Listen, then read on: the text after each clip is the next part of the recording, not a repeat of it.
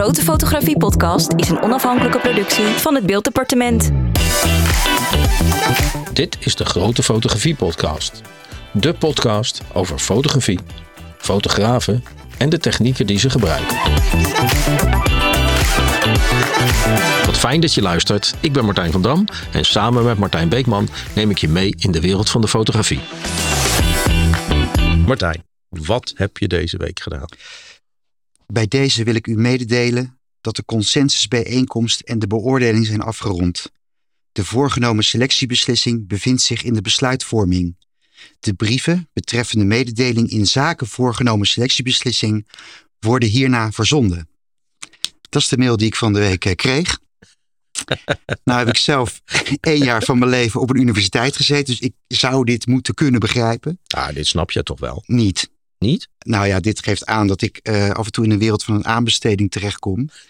En uh, uh, dit is een, een, een, voorbereidend bericht op de uitslag van ronde 1. Ja. Het enige wat me over. Dit is, een, dit, is dit is een aankondiging van we gaan, we gaan komen met een beslissing en dit gaan we zo ingewikkeld mogelijk opschrijven. Ja, wat ik net heb voorgelezen, ik ga het niet nog een keer herhalen. Dat, dat, ze zeggen eigenlijk er komt een brief met een beslissing. en daarin gaan we vertellen of je wel of niet mee mag doen met ronde 2. Oké. Okay. Dat is het. Nou ja, het enige wat me op de been houdt is dat ik dan vier jaar lang leuk werk heb voor een goed uurtarief van 120 euro per uur. Uh, dus dat heb ik uh, deze week, uh, dat was de shock van deze week, wat ik net heb voorgelezen. Maar ik heb deze week een hele afwisselende week gehad. Ik heb een verjaardag gefotografeerd op oh, zondag. Ja, dat vertelde je, ja. Van een dame die 50 werd. Dat is, dat, is de, dat, is de nieuwe, dat is de nieuwe sidejob. Dat is de nieuwe nou, side hustle. Ja, ik heb, ja ik, heb, ik heb dit jaar vijf bruiloften. Dus door corona allemaal opgestapeld. Allemaal bekende ja, buurjongen, een paar contacten van werk. En dan ga ik de bruiloft fotograferen. En ik wilde even warm lopen om te kijken of ik het nog kon. Of je wat nog kon? In een zaaltje met een 24 mm 1.4 lens. Waardoor je nooit hoeft te flitsen momentjes pakken. Het, was, het, ik heb, ik heb, okay. het duurde lang. Het was drie okay. uur lang. Het laatste uur was zwaar. En ja, ik, heb, ik had heel veel om, om te bewerken. Dus dat is een goed teken. En ik kreeg als uh, uh, commentaar terug. Elke foto is een verhaaltje. Nou. Vaak om te lachen. Fantastisch. nou, dat is toch precies. Weet je, af en toe moet je nou. even testen of jij of je, je eigen stijl nog kan uh, hanteren. Dat, voor... is wel, dat is trouwens wel, vind ik, heel typerend voor jouw fotografie. Ja, voor jouw fotografie dat... is heel typerend dat elke foto is inderdaad een verhaaltje. En elke foto, daar zit, daar zit altijd zit daar humor in. En dat vind ik dat inderdaad vind ik heel knap. Dat is de bedoeling. Ja. En voor de rest had ik, uh, en heb ik een yogales gefotografeerd. Ik was bij de gemeenteraad. Ik was bij een integrale handhavingsactie van de politie. Ik was bij een avond voor uh, mensen die uh, in raden zitten van stadswijken. Ik heb portretten gemaakt. Nou, we zitten hier op een tweezitsbankje. Als het even stilvalt, dan ben ik gewoon in slaap gevallen. en ik heb het helemaal nooit zo druk gehad. Dat is niet waar. Daarvoor, voor onze bekende pandemie, niet nader te noemen, hadden wij het ook zo druk. En jij het zeker. Is weer druk geworden. Ja. En ik, ik sta weer in volle zalen uh, foto's te maken. Dat is heerlijkheid. Heb jij in volle zalen gestaan deze Nee, ik heb absoluut niet in volle zalen gestaan. Dat is, dat, is mijn, dat is mijn werk niet. Ik heb deze week heb ik, uh, um, ik heb voor uh, uh, een van mijn klanten, Feyenoord, heb ik weer wat productfotografie mogen doen. En dat is een van de dingen die ik doe. Dat vind ik heel erg leuk om te doen.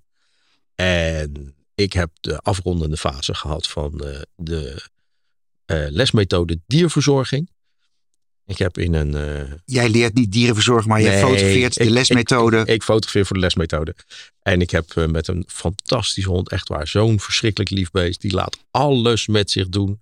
De werkelijk waar. Je kan het gek niet verzinnen of zij liet het met zich doen. Uh, heb ik een zondag doorgebracht in een dierenkliniek. En hebben we deze hond daar niet mishandeld. Maar we hebben, we hebben, we hebben, we hebben daar ingepakt. Ze heeft op de operatietafel gelegen. Nou ja, oh, God. kortom. Ja, het is, het is, nee, het is heel, heel erg leuk. Ik heb een jonge Labrador, die zou het allemaal niet uh, toelaten. Nee, dit is echt, dit is echt heel, heel bijzonder. Die doet het allemaal, die laat het al. En serieus, wat ik vorige keer zei. Je moet niet met dieren werken. Nou, deze, elke dag zou ik het willen doen. Echt waar. Fantastisch beest. Ongelooflijk. Superleuk. Dus en je bent de enige uh, fotograaf die voor Feyenoord werkt zonder ook maar één speler te kennen. Sst. Ik ben liefhebber en we, nou? we, we, we, hebben het er wel eens over. Ik noem zo de eerste elf namen op. Het is een fotografie-podcast. Oh. Ik ga het niet doen. Nee, maar, Maar ik kan het wel. serieus. Ik ben, je, Je, weet, hebt geen idee. Nee, ik heb, ik heb, ik heb. eh, Feyenoord is al eh, een heel erg lang een, een vaste klant van mij. Waarvoor ik heel veel eh, fotografie doe, eh, productfotografie doe. En dat, dat, dat gebeurt allemaal hier in de studio. En dat is allemaal vrijstaand. En dat is eh, en soms wat sfeerbeelden. En ik heb ook een tijd lang heb ik. Ze hebben nu helaas. Ze hebben nu een eigen fotograaf in dienst. Oké. Dus dat is tegenwoordig toch wel een grote bedreiging voor onze. Voor, voor, de, voor, de vrij, voor de vrije jongens. Zeker. maar kan, Maar- kan die jongen in dienst ook eh, studio eh, Nee, dat doet hij dus niet. maken? Nee, dat doet hij niet. zo. Nee, hij maakt geen studiofoto's. Hij doet niet de productfoto's. Maar hij doet helaas doet hij wel alle sfeerfoto's. Dat is wel jammer. Dat is heel jammer. Ja, dat is echt jammer. Dat deed ik daarvoor, deed ik dat ook. En dat, is, dat, is, echt, dat is echt jammer. Want dan kwam je inderdaad kwam je die spelers tegen. Ja, En ik heb serieus, nou ja, ik herkende er dan één of twee. nou goed en zo. dat, eh, en dat, eh, dat, dat, dat was het dan. Het goede nieuws is dat een, een bedrijf, want het is Feyenoord gewoon, eh, een fotograaf in dienst neemt. Dat hoor Ja. je echt nooit meer. Ja, ja. Dat is Ze echt hebben nu echt, en ik moet eerlijk zeggen, ik, ik heb de beelden, zeg maar, de afgelopen, want ik geloof dat hij al meer dan een jaar in dienst is bij ze. Ik heb de beelden, zeg maar, eh, zitten bekijken van wat hij maakt voor ze. Ook de, ook de sfeerbeelden. Ik moet eerlijk zeggen, het is een hele, hele knappe fotograaf. Want hij doet echt best, want eh, volgens mij zit hij dus en langs de lijn. Mhm. En hij doet dit soort, zeg maar, de reclameachtige beelden Dat maakt hij ook een, voor eh, ze. Ultieme En dat is kandidaat voor het interview als ik het zo hoor. Nou, ik zit het nu net te bedenken dat we daar wel eens een keertje aan mogen gaan denken. Ja. Want die zou maar één sportfoto's kunnen maken. Dat is, dat is een specialisme op zich. Ja. Dat is echt zo ontzettend moeilijk. Ik ben een tijdje eh, reserve sportfotograaf van de Volkskrant geweest. Maar ik hoefde nooit het doelpunt te hebben. Nee. Ik ging naar het korfbal, naar het waterpolo en ik kon doen wat ik wilde. Maar je zou maar bij Ajax Feyenoord eh, het doelpunt moeten fotograferen. Ja, dat is één grote hebben. zenuwentoestand. Ja. Het is iets verschrikkelijks. Ja, en, het- en er ligt zo'n enorme druk op die jongens. Want ze moeten dus en langs de lijn fotograferen. En ze moeten constant voor Instagram moeten ze van alles moeten ze maken. Dus hij heeft een hele druk. Want hij is gewoon, hij is gewoon vol, vol bezig. Ja. Ja. En die studiofotografie, nou ik ben blij dat ik het nog, eh, dat ik het Ja, nog mag tuurlijk. doen. En dat, dat vind ik gewoon echt heel erg leuk om te doen. Dus dat is, dat is echt wel een hele, dat is gewoon een hele fijne, een hele fijne Ja. bijkomstigheid. Dat dat er gelukkig nog is. Dan hebben we weer een leuke week gehad. Ja, je, ik heb wel een ijselijk bent- Heb jij ooit, heb jij ooit niet leuke weken? Nou ja, misschien onderdeeltjes. Maar voor de rest hebben we toch het mooiste vak van de wereld. Ik sta wel eens op en denk ik, oh my god, ik moet vandaag dat en dan dat doen. Of een, een, een lang congres waar ik stiekem geen zin in heb, maar dat levert acht uur betaald werk op. En als je er eenmaal bent, dan gaat het altijd vanzelf. Dan, hey, die dagen die vliegen. Ik vind het heel moeilijk om ergens naartoe te rijden. Dat als, als ik, nou ja, eh, ik doe veel binnen Den Haag. Dat is 20 minuten van mijn huis naar het centrum. Dat is, dat is vaak al, god, dan moet ik weer. Soms twee keer op een dag. Ja.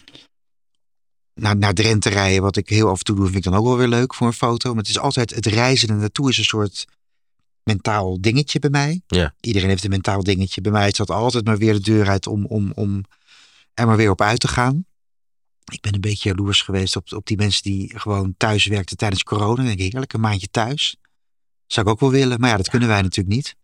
En ik zal je vertellen. Maar het heen en weer in het verkeer, dat vind ik af en toe wel eh, zwaar vermoeiend.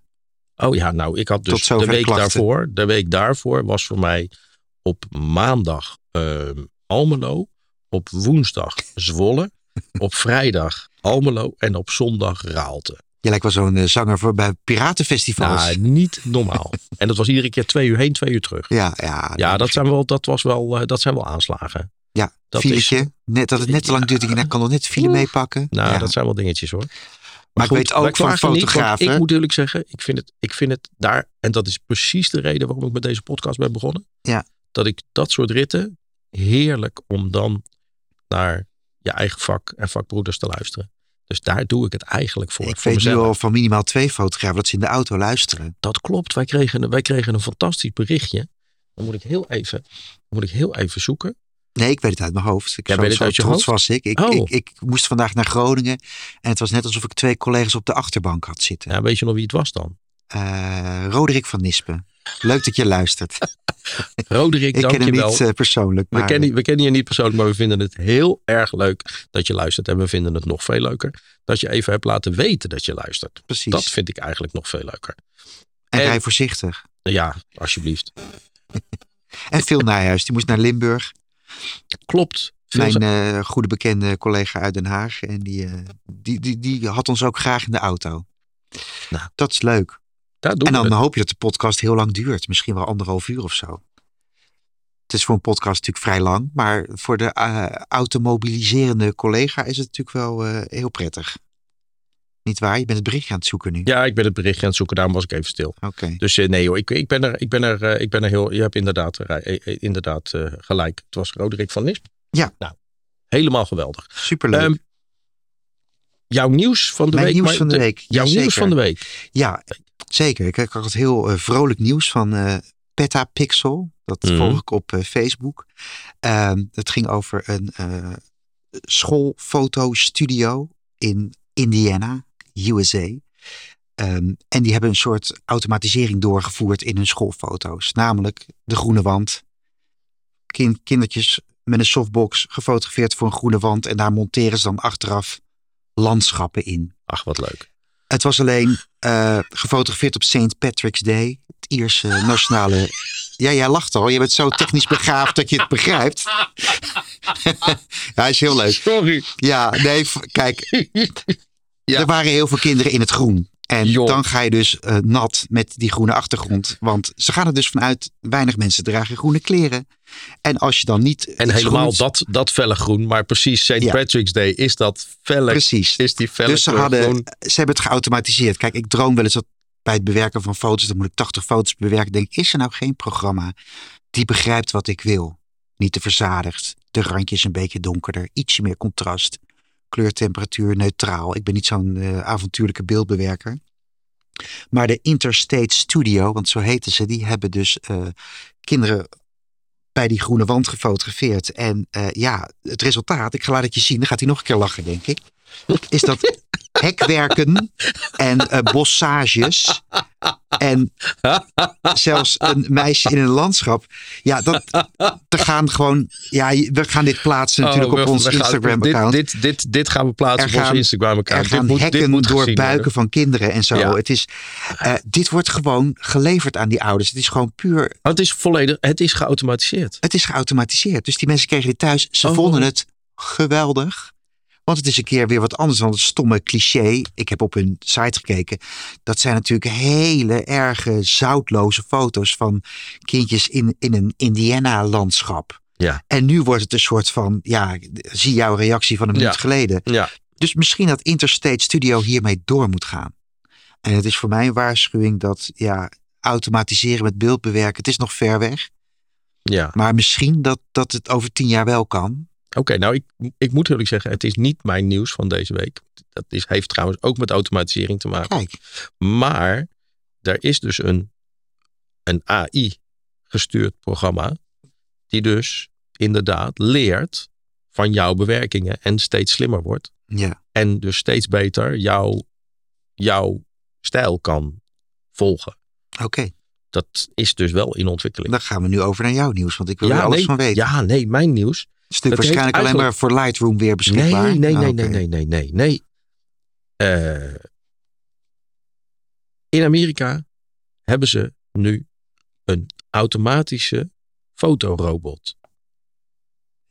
Dat is software waar je nu Nee. Dat is een automatisch apparaat. Ja. Dus een camera op een rijdende robot. Die dus zelf composities maakt Ja. en fotografeert. En die wordt dus ingezet voor interieurfotografie. Ik heb de voorbeelden daarvan gezien. Het is niet fantastisch. Het is alsof. Het is alsof je, alsof je iemand die een paar jaar wel fotografeert, maar nog niet heel erg bedreven daarin is. Maar het is duidelijk geen automatisch systeem wat gewoon maar luk raak wat schiet. Er worden echt, zeg maar, beslissingen genomen. Ja. En ik maak me toch, want de, de, er was ooit zo'n lijstje met. eh, was ooit zo'n lijstje met allerlei eh, beroepen die gevaar liepen om Ja. door automatisering, zeg maar, eh, ja, wegge-AI te worden. En daar stond fotograaf stond daar eigenlijk vrij laag op. Dat die kans was niet zo heel erg groot. Dat is nog steeds zo, hè? Maar die kans wordt nu toch wel een stukje groter. Dan wordt je nieuwe baan dat je een robot in een huis neer moet zetten die foto's gaat maken. Dan word je Ja. robotchauffeur. In plaats van fotograaf. Nou ja, dat hoeft, dan ook tegen, dat hoeft dan ook niet meer, want die robot kan hier zelf naartoe komen. Want de, zelfdra- de, de zelfrijdende auto, hij neemt de taxi. Kopje koffie hoeft ook niet meer. Nee. Je doet alleen de deur open. Ja, En, dan, nou, rijdt dat, ding, ik, en dan rijdt dat ding door je huis en die maakt foto's. ik vind het een beetje de blinde fotograaf. Dat verhaal. Ja, dat, dat, dat, dat, kan ja. namelijk niet. En ja, kijk, bij, bij, bij interieurfoto's zou je nog kunnen bedenken... hij gaat zorgen dat alles recht staat. Met een enorme grote Nee, lens. ja, dat hij het- het- onthoekt, hè, zoals dat heet. Ja, Ja, is het dan toch niet goedkoper om even, even een fotograaf te laten komen? Ja, op de ja duur ik, denk niet. dat het, ik, denk dat het nog steeds, ik denk dat het nog steeds een vak is en blijft. En is er een foto van die robot? Of is het... eh, eh, Heb ja, je dat ja, gezien? Ja, ja, ik heb hem gezien. Ik heb de foto's gezien. Dus die zullen we ook nog wel. Die zal ik, die zal ik er wel op Ja. Instagram zal ik ze er wel bij gaan zetten. Naast de kinderen met de hekken door hun maag. Het is wel, dat, dit hebben we niet van tevoren besproken, maar het is een soort kunstmatige, nou heel intelligent was het niet met die schoolfoto's, maar het- Te hilarisch. ja. Maar, denk, maar denk, je, denk je eventjes. Dit soort automatiseringen. Dit soort. eh, ja, dit, dit computational eh, photography. Wat dat dan genoemd wordt. Hè? Dus computer ondersteund fotograferen. Waarbij eh detailscherpte wordt ingevuld door Ja. de computer. Waarbij eh, allerlei automatische beslissingen worden genomen. Ik bedoel. Jij denkt dat Nou, dat, dat, ik ben ook wel eens angstig. En het was zeker toen eh, een collega van mij de iPhone 13 liet zien. Ja. Want er zit een fantastische groothoeklens op. Ja. En eh, voor die tijd was een van de dingen waarmee ik mij onderscheid ten opzichte van iPhone-fotografie, is dat ik een 1635 lens had Hmm. In bepaalde ruimtes. En eh, ja, ik heb, ik heb wel eens aan de hand dat een opdrachtgever mee fotografeert met een iPhone. En dat die foto's ook in een set op social media meegenomen worden. Dan denk ik, ja, dan moet je mij gewoon lekker thuis laten. Ja, maar ik vind, dat vind ik altijd. Luister, op het moment. Dit, is, Ik heb veel is- groepsfoto's. Ik heb veel groepsfoto's gemaakt. dit houdt elke fotograaf bezig, ik weet het zeker. Een soort Ja. bedreiging Nee, van Ja, de maar ik heb, veel, ik heb veel groepsfoto's gemaakt. En wat doe je als je groepsfoto's gaat maken? Zeker als het. Hè, dan moet je allemaal mensen, die moet je allemaal neerzetten op een plekje. Die moet je op een gegeven moment, nou, een klein stukje naar boven. Ga je nog een klein stukje naar beneden. Als je hem trappend fotografeert met groepsfoto's, erg handig. Nou, kom nog een klein stapje naar voren. Doe allemaal één stapje. Iets meer ruimte. Zorg dat je mij ziet. Weet je, je gaat op een plekje staan. En wat is er dan makkelijker dan naast mij gaan staan? Ja. En te zeggen, klik. Ja. Ik heb hem ook. Ik heb een plekje uitgezocht. Ja. Ik heb gekeken, is het licht daar goed? Kan ik hier een foto maken? Klopt het allemaal? Niet te veel afleiding in de achtergrond. Weet ik wat? Kan ik al die mensen kwijt? Ja, ik zet vervolgens iedereen neer. Ja. En dan kom jij met een of ander automatisch kulding. En dan zeg je, plop, ik heb hem ook. Ja. Oma Henk had hem ook. Was een hartstikke leuke groepfoto. Die had hem veel sneller dan jij. Ik heb er van de week één gemaakt. Dus toen ik klaar was, moesten, we nog even, moesten ze nog langer poseren. Ja, want het moest... Omdat er drie mensen met een mobieltje in mijn, in mijn nek zaten te hijgen. Ja. En nou, in dit geval, die foto is alleen gebruikt tot nu toe voor Instagram. Dus ja, hé, hey, dat, dat was genoeg geweest. De rest van de avond was ik wel Ja, maar eh, dat op een stukje- plek, zeg maar. Dat stukje, dat kunnen ze niet. Ze Nee. kunnen niet die mensen neerzetten. Nee, oké. Dus wat doe je? je? Kijk, het maakt mij niet uit. Fotografeer lekker met me mee. Dat is prima. Tuurlijk. Ik, ik sta daar kennelijk al, want ik heb kennelijk al een opdracht om daar een foto te maken. Dus of jij hem dan mee fotografeert, succes. Ja. Weet je, prima. Maar het, het is wel een beetje. eh, Het, het, het, het, nou ja.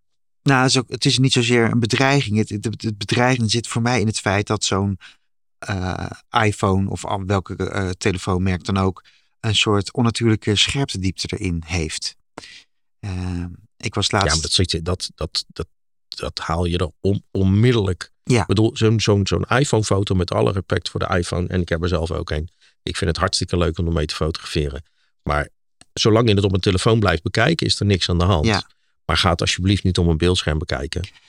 Want dan valt het toch vrij snel valt het uit elkaar. Dat, maar mijn, mijn punt is dat dit eh, in een serie van vijf foto's, vier van mij en één van een iPhone van eh, iemand van de organisatie, viel dat heel erg buiten de toon. Want mijn kleuren zijn altijd, nou Ja. ja, zoals ik het met mijn eigen ogen zie. Dan die ene iPhone-foto was heel verzadigd, met hele rare onscherpte erin. En nou ja, dat was een serietje van vijf op een Instagram-pagina van een Ja. opdrachtgever van mij. Het deed toch pijn. Ja, Het deed toch pijn. Dat is Nou, met buiten, met name mijn ons- schuld om had ik een moment gemist. Want ik moest van A naar B weer ja. met de auto. En dat was een heel leuk moment waar ik niet bij kon zijn. En het wordt dan toch in die serie opgenomen. Ik kon er niks aan doen. Maar het, het, het, ja, het, het, het zag er zo raar uit. vier echte foto's en één iPhone-foto. Het was, maar ja, dat, dat, ik zie dat, maar dan is de vraag, wie ziet dat nog meer die dat zien? Weet je? Het, je gaat een beetje de kant op, we moeten een beetje een vrolijke podcast houden. Van, op een bepaald moment, ja, het maakt niet meer uit. Nou, dat ben, ben ik, dat ben ik niet helemaal met je eens. Maar dat is een discussie voor een andere keer, want daar heb ik wel een mening over. Maar nu is het tijd geworden voor deel 2 van het interview met Gerard Wessel. En ik dacht dat ik pas in het tweede deel zou laten horen of hij nog een doken had. Volgens mij zit dat al in het eerste deel. Ik heb het gehoord, ja. ja. Hij heeft hem nog. Hij heeft hem nog. Nou, dat is toch fantastisch. Blijft een leuk interview. Deel 2. Gerard Wessel. Maar goed, uiteindelijk uh, er zijn er een paar die overblijven. En dat is ja, toch met name wel Edson Elske. Dat is een beetje, in zijn voorvisie zit natuurlijk heel veel snelheid. Ja. Maar ook heel veel, uh, ja, zeg maar, de, de, de, de grote modefotograaf vond ik erg leuk. Dus uh, nou goed, dat, en dat bepaalt een beetje, beetje jouw, ehm, jouw visie op de fotografie.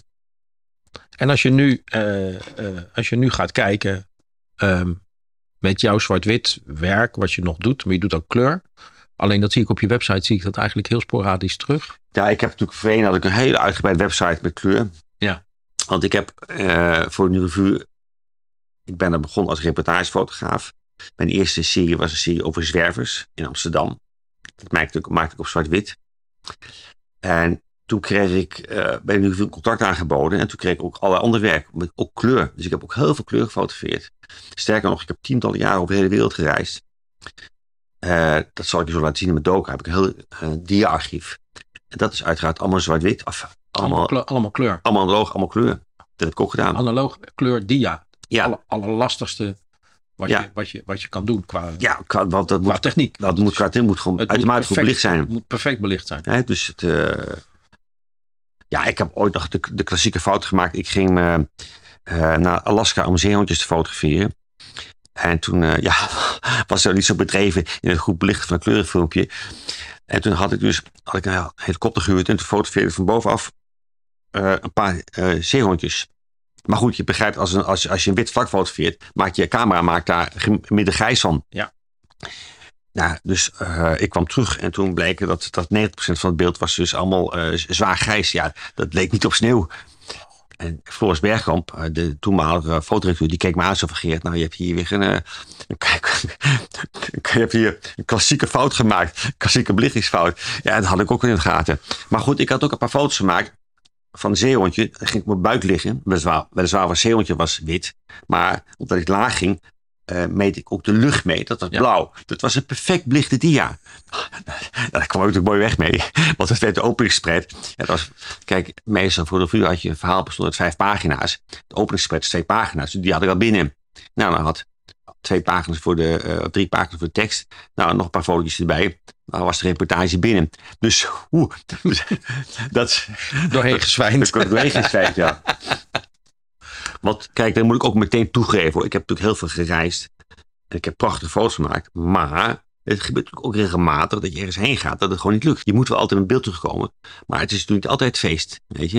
Ik heb ook wel eens eh, bij de redactie prachtige ideeën geopperd. Van nou, da- daar, daar heb ik een reportage van gemaakt. Zeg, dat gaan we maken. Zeiden ze dan. Maar ja, dan wordt er wel, wordt er wel van verwacht dat je het ook maakt. Ja. En vaak bleek dan in praktijk dat de idee wat jij voor, voor ogen had, toch niet zo goed werkte. Dus ja, niet alles wat je, wat je fotografeert, dat wordt top. Weet je, dat. eh, ik ben ook wel eens bij landen geweest waar, ja, waar je eigenlijk niks te zoeken hebt, weet je, qua beeld wat, wat, wat niet interessant is. Of eh, dan heb je geen link met het onderwerp. Of eh, eh, ja, het weer is slecht. Dus eh, ja, dat, dat, dat, dat maak je allemaal mee. Ja.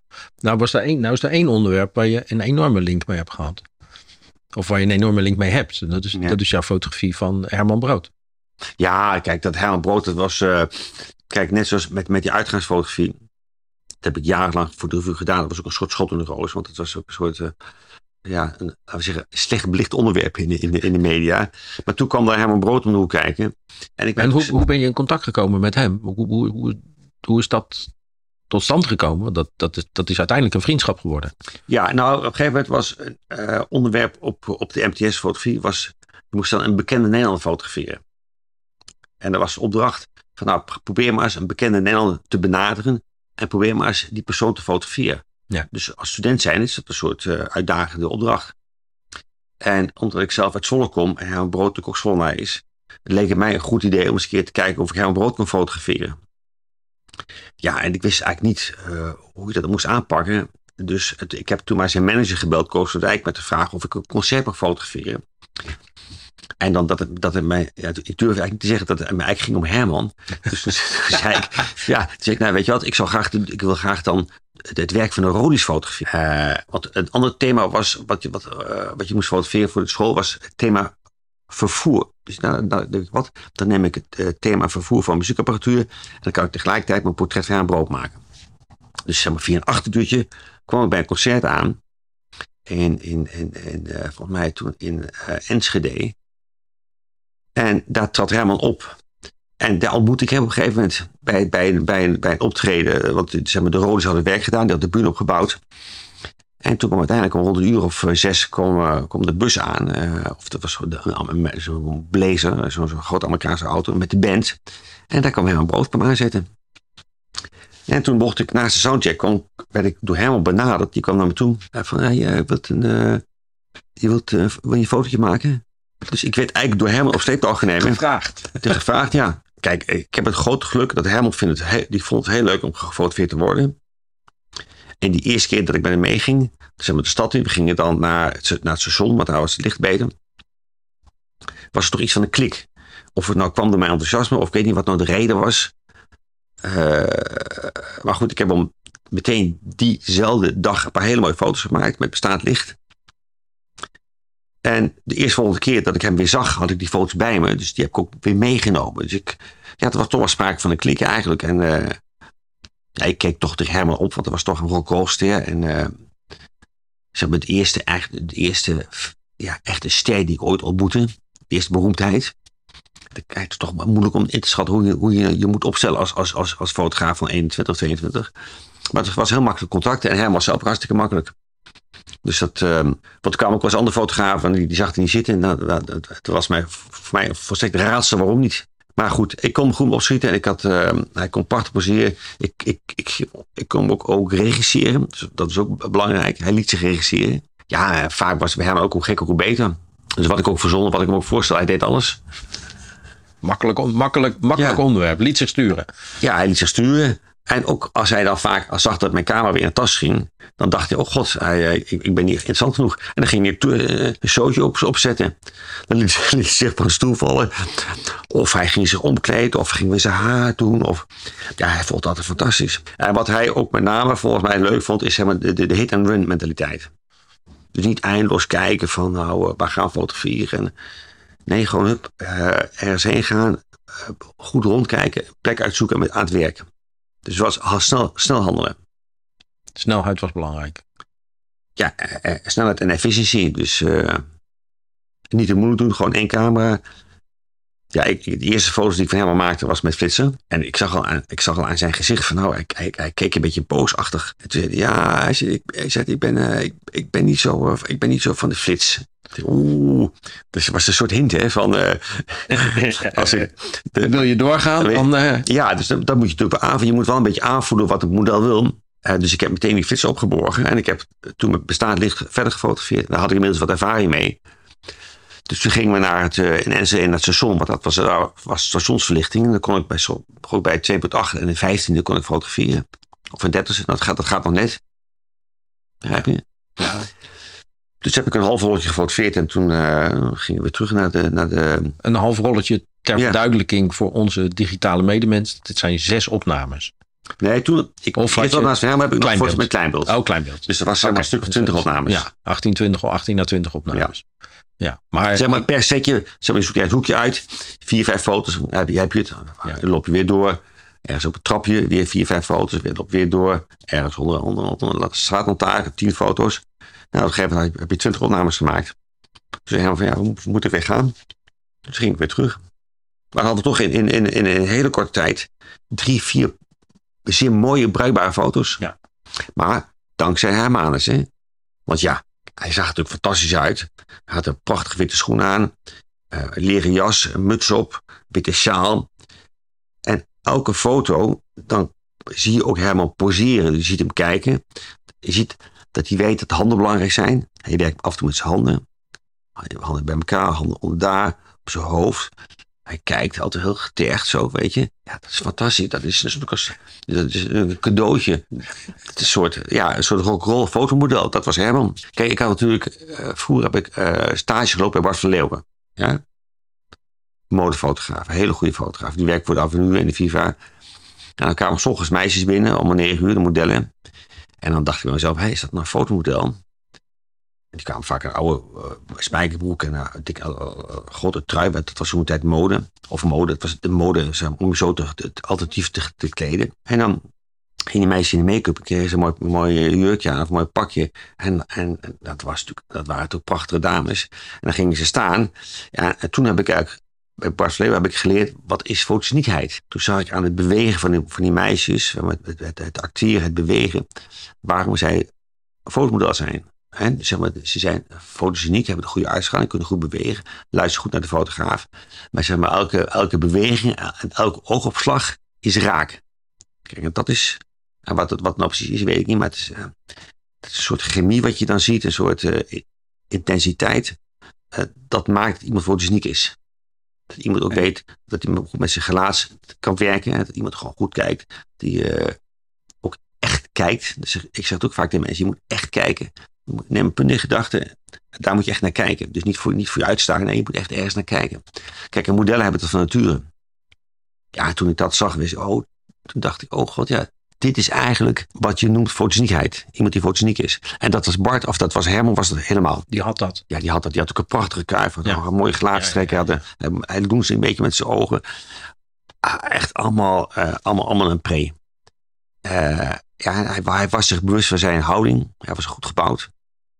Hij stond goed, altijd goed rechtop. Nou goed, hij had gewoon een, hele goede kop. Dus ja, dat, was eigenlijk, dat was eigenlijk een cadeautje. En we lagen elkaar dus. En, en de revue die in die tijd uh, publiceerde veel over Herman. Ik was de aangewezen fotograaf om dat te fotograferen. Dus zo ontstond een vriendschap. Ik ging ook LP's fotograferen. En ik, ik fotografeerde bij hem thuis. En uh, ja, het was een soort van uh, vanzelfsprekendheid nu met terugwerkkracht verbaas ik me over al het werk wat ik gemaakt heb. Maar uh, ja, het is met heel veel liefde en plezier is dat ontstaan. En ik werd er nou voor betaald ook. Dus ja, dat, dat, dat als fotograaf. Uh, dat, dubbel, uh, dubbel op. Ja, kijk, ik weet nog goed. Ik was voor een nieuw vuur in Afrika geweest. En toen had ik een paar hele mooie foto's gemaakt. En toen wilde ik eigenlijk, toen ik werkte voor een nieuw vuur, maar die betaalde heel weinig. en ik wilde eigenlijk naar Parijs toe. Dus ik ben eerst naar Magnum geweest. Heel enthousiast ben. Nou, die had geen plek. Dat kwam ik, die kwam ik bij, uh, terecht bij Sigma. Een groot persbureau. Bij de directeur, Alain Bigan, heet die man. En ik liet mij foto's zien die ik had gemaakt in Afrika. En hij, ja, uh, hij bood mij meteen een baan aan. Ik nou, fantastisch. Zo makkelijk. Ja, toen vroeg hij, uh, ik moest dan wat hij noemde, uh, ik, moest dan, ik, ik, ik, zou een red carpet photographer worden. Ik dacht, maar red carpet photographer, waar heeft iemand het over? Dus ik zei, ik vroeg hem, uh, van ja, red carpet, wat, bedoel je uit die red carpet? Dan moet je dus bij premières en moet je dus bekende mensen fotograferen. Bij, bij gala premières, bij, opening van films. Ik zei, oh, is dat het? Ik zei, maar goed, ik zei tegen hem, ik ben reportagefotograaf. Dat is waar mijn hart ligt. Maar goed, hij bood mij meteen de baan aan. Maar, maar ik had al voor de revue gewerkt. Ik was voor de in Afrika geweest. Ik had al Herman leren kennen. Dus ik wist al van nou, als ik bij de revue blijf, dan blijf ik uh, dicht bij mijn eigen vakgebied, wat ik leuk vind. Ik, ik, dacht toen al van nou, die kans krijg ik nooit weer. Dus toen heb ik toch besloten om niet naar Parijs te gaan, maar gewoon bij, bij de revue te blijven. Ja, dus ik, ik woonde ook destijds in Amsterdam, het centrum. Alle onderwerpen waren een soort van, van, van, van één kilometer van mijn huis. Zeg maar de, het, het nachtleven, Herman Brood. De, de, de, de, vallen, de hoeren, de junkies, uh, het straatleven, alles speelde zich af. Uh, kijk, Ed van Elsen fotografeerde heel veel op de Nieuwe Dijk in Amsterdam. Ja. Nou, de Nieuwe Dijk was, zeggen, schrijf één moet lopen van mijn, van mijn uh, huis. Dus ja, dus ik, ik, ik, ik, ik, ik, alle onderwerpen waren zeg maar voorhanden en dichtbij. Denk je dat, dat, denk je dat datzelfde, datzelfde werk, niet hetzelfde werk, maar dat, dat diezelfde onderwerpen, dat die nog steeds, want toen lag het werk tussen aanhalingstekens, voor jou dan in ieder geval, lag bijna op straat. Ja. Denk je dat dat werk er nu nog ligt? Ja, ik denk het wel, ja. Ja. Kijk, het gaat er wel op straat dat je wel, je moet je, moet je onderwerp kiezen, hè? Ja. Dus je, je, je, kan niet zeggen vandaag, nou, ik ga vandaag een dagje straatfotografie doen. Want ja, dus daar, dat is, dat is, je moet jezelf uh, een doel stellen. Ik ga vandaag fotograferen. Uh, ik ga een reportage maken over uh, mensen met apart haar. Of mensen met of zwervers. Of, of, of moeders met kinderen. Of je, moet je, of je gaat naar de, Watertopplein. Je moet jezelf een, een, een, een, doel stellen waarna je zoekt. Zodat je ook een serie kan maken. Wat, wat de fotografie sterker maakt. Maar zomaar lutraak de straat op, dat werkt niet. Je moet, je moet, je moet zelf voor jezelf zeggen van nou ik ga vandaag fotograferen. bijvoorbeeld ik ga vandaag alleen maar vrienden fotograferen koppeltjes. Weet je, een duidelijk omschreven uh, uh, onderwerp wat, wat, je, wat, je, wat je ook aanspreekt. Waar je iets mee hebt. Waar je, zegt, hebt, dat, ja. Want jij hebt ook uiteindelijk gekozen voor iets dat je dit is, dit is iets waar ik, dit is, dit is mijn onderwerp. Dit zijn mijn. Ja, en dan met name het straatleven. Weet je, met name een beetje, een beetje de mensen die, leven aan de rand van de samenleving. Hè? Dus een beetje mensen, of zeg maar die een beetje het, het randje van de samenleving. Ja. Beetje de, ik, ik val een beetje op de buitensporen types een beetje extreem. Hè? Dus dat heb je ook in Helmut was natuurlijk extreem. Die, de, de, de, de, de, de, de, hoe heet het, de junkies zijn extreem. Uh, mensen in, in het leven, zeg maar, dansen zijn extreem. Een beetje de, de mensen die alles doen wat ik zelf niet zou doen. Wat ik zelf niet zou durven. Hey, zou, je dat, zou je het willen? Dat zou je ook niet willen, nee. Maar ik vind wel, zoals in het nachtleven, mensen die, die zich prachtig aankleden en uh, uh, die een goede uitstraling hebben, dat, dat, dat, dat, dat inspireert mij tot beeld. En, nou, ik, vind, ik vind dat moet, moet, moet ook worden vastgelegd. Dat is, dat is, dat is taak als fotograaf. Dat jij vastliet, dat je vastlegt wat, waar, waar een ander geen oog voor heeft. Nou is, nou is een heel groot deel, of een, er is een deel van jouw werk is aangekocht door het Rijksmuseum. Ja, correct. Dus vind ik heel bijzonder. Want ik neem aan dat ze daarom, daar hebben ze om gevraagd. Ja. Of is dat, of, nee, ik, ik, ik neem niet aan dat je daar naartoe gelopen bent van jongens. Nee, ik ben gevraagd. Ja. Ik ben gewoon gevraagd. Ik was, ik, ik, uh, ik was bezig met een nieuw fotoboek. En toen, met, toen had ik een, een, eh, van het fotoboek had ik een dummy gemaakt. En toen uh, wilden ze graag die dummy zien van mijn fotoboek. Dus ik ging heel braaf. Toen was net het Rijksmuseum helemaal net opnieuw geopend. Ja. Dus ik kwam daar en denk, nou, dat is een... Uh, ja, dat is wel, wel, wel, ook, wel ook een kunstenaar, fotograaf van droomt. Hè, dat, je, dat, dat je je werk mag presteren aan het Rijksmuseum. Ja. En ik liet dat zien, die dummy was gewoon allemaal, allemaal kopietjes in een boekje gedaan. En ze waren er heel over te spreken. En toen, maar goed, ik werd uh, toch weer, uh, ik, ik, uh, ik, werd verzocht, er is niet verzocht, dat was het, vond een prachtig boek. En toen kon weer gaan. En toen een half jaar later werd ik gebeld met de vraag of ze bij mij op atelierbezoek kunnen komen. Ik zei, atelierbezoek, wat bedoelt u precies? Nou ja, dus ze wilde bij me thuis komen. En dat hebben ze dus gedaan. En toen dacht ik, nou, dan komen soort foto's uitkiezen. Maar ik, ik heb ook een gigantisch archief. Dus ze zijn nog twee keer vaker geweest om uit die duizend foto's een soort, van selectie te maken. En de laatste keer dat ze kwamen, lag er drie stapels met foto's. En, uh, en toen zeiden ze van ja, uh, de volgende keer dat we komen, gaan we, maken we de keuze. Maar ik was al, ik was al, ik was al, ik jeetje, ik was al, was al we waren toch al een, bijna een half jaar, drie kwart jaar bezig. Ik denk, nou, dan wordt al wel eens tijd. Hè, dat, dat, dat spijker op de koppen, uh, dat wat, wat beslist. Maar ik denk, ik wacht rustig af. Hè. Ik, ik was natuurlijk een nieuwe vuur gewend. Je krijgt een belletje, je moet fotograferen en een week later leven je het in. Ja. Maar goed, ja. Uh, Musea hebben de tijd. Wij, anders zijn toch weer andere, andere type mensen. Ja, die hebben niet, uh, je hebt natuurlijk alle tijd uh, om, om, om rustig over dingen na te denken. Dat heb ik nooit. Ik ben in de fotografie moet snel werken. Maar goed, anyway. Uiteindelijk kwamen ze terug en hebben ze dus een, een, een, een, hele serie foto's gekocht. En wat, die zijn nu permanent zijn onderdeel? Nee, die, die zijn onderdeel van de collectie. Van de collectie? Ja, zoals heel veel dingen okay. in museum. Dus 90%, ja. zit, 90% ligt in het depot. Ligt, ligt in, dus, mijn werk ligt ook in depot. ja, van het Rijksmuseum. Dat wel weer. Dat wel weer. Daar zullen, we, daar zullen we niks van zeggen. Daar mogen, daar mogen we alleen maar in bewondering naar kijken. Ja. Maar, maar, we kunnen ze dus niet, niet, niet zien op dit moment. Nee, maar je begrijpt natuurlijk wel. Kijk, ik ga nu vanaf 1 maart weer met een nieuw boek beginnen dat natuurlijk wel nog iets op het programma staat de komende jaren. Hè. Ik heb nog wel wat, wat, wat, wat, um, um, wat dingen af te werken van mijn verlanglijstje. Wat staat, nou, er, op het, wat nou, staat er op het verlanglijstje? Nou, sowieso natuurlijk een, een, een, een, een boek met ik mag. En daarna weer een nieuw boek met al mijn portretten. Kijk, ik moet wel zeggen, ik heb me afgelopen mijn carrière nooit zo over musea bekommerd. Want ik had, ik had zoveel werk. Ik reis zo ontzettend veel.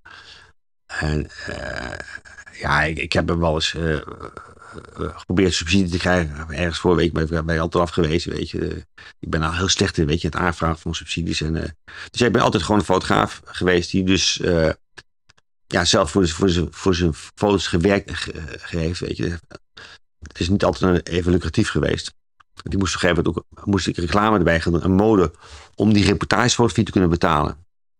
Om je eigen reportagefotografie te kunnen betalen? Ja, kijk, ik heb natuurlijk wel jaren voor nieuwe gewerkt, maar goed, uh, ja, het leuke was van de revue wel dat ik natuurlijk uh, mijn eigen onderwerpen kon bepalen. Dat ik natuurlijk over de hele wereld heb gereisd. Maar het was nog niet zo dat ik daarvan uh, bijvoorbeeld een huis kon kopen. Of dat, ik, uh, dat je dan zeg als fotograaf binnenliep. Dat totaal niet. Ik weet nog goed dat op een gegeven moment de Dirk Sauer, de toenmalige hoofdredacteur. Ja. ik, nou weet, ik dacht even, nou weet je wat, ik, ik, ik, ik, kon, ik kwam niet rond op mijn geld wat ik, wat ik verdiende bij de Dus ik vroeg Dirk Sauer God of ik niet per maand 100 gulden opslag kon krijgen. Ja, zegt geen gaatje. Ja, ja, ja, zegt hij. Jij lekker, jij lekker bij de nieuwe je zakken vullen, zegt hij. Je wacht nog maar een tijdje. Dat, dat waren de woorden van Sauer. En, uh, dus ja, het was niet zo dat je... Uh, uh, kijk, ik, kijk ik, het werk was natuurlijk fantastisch, maar het was niet zo dat je daar riant voor betaald werd. Ze betaalden materiaalkosten.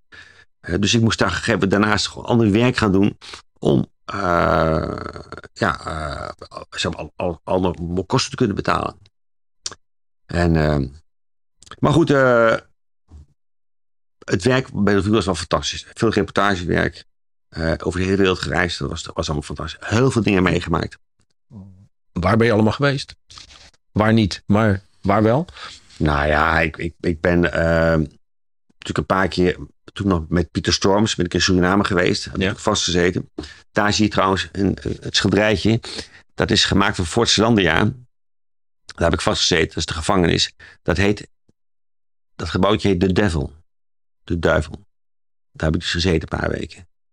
In Fort Zelandia? Ja, ja. Gezeten. Heb ik gevangen gezeten. Want wij waren illegaal in het land. En op een gegeven moment zijn we daar gearresteerd. En uh, we hadden destijds contact gehad met Ronnie Brunswijk. Hè, de welbekende Ronnie Brunswijk. Ja, ja. Want wanneer was dit? Dat was in uh, zeg midden jaren tachtig. En Ronnie Brunswijk was een guerrilla-oorlog begonnen. Ja, tegen Boutersen. Ja, en ik was samen met Pieter Storms, wij waren de eerste Nederlanders die Brunswijk gingen interviewen. Dus wij, we zijn, wij waren destijds toch een soort persoonlijke vrienden van Ronnie Brunswijk.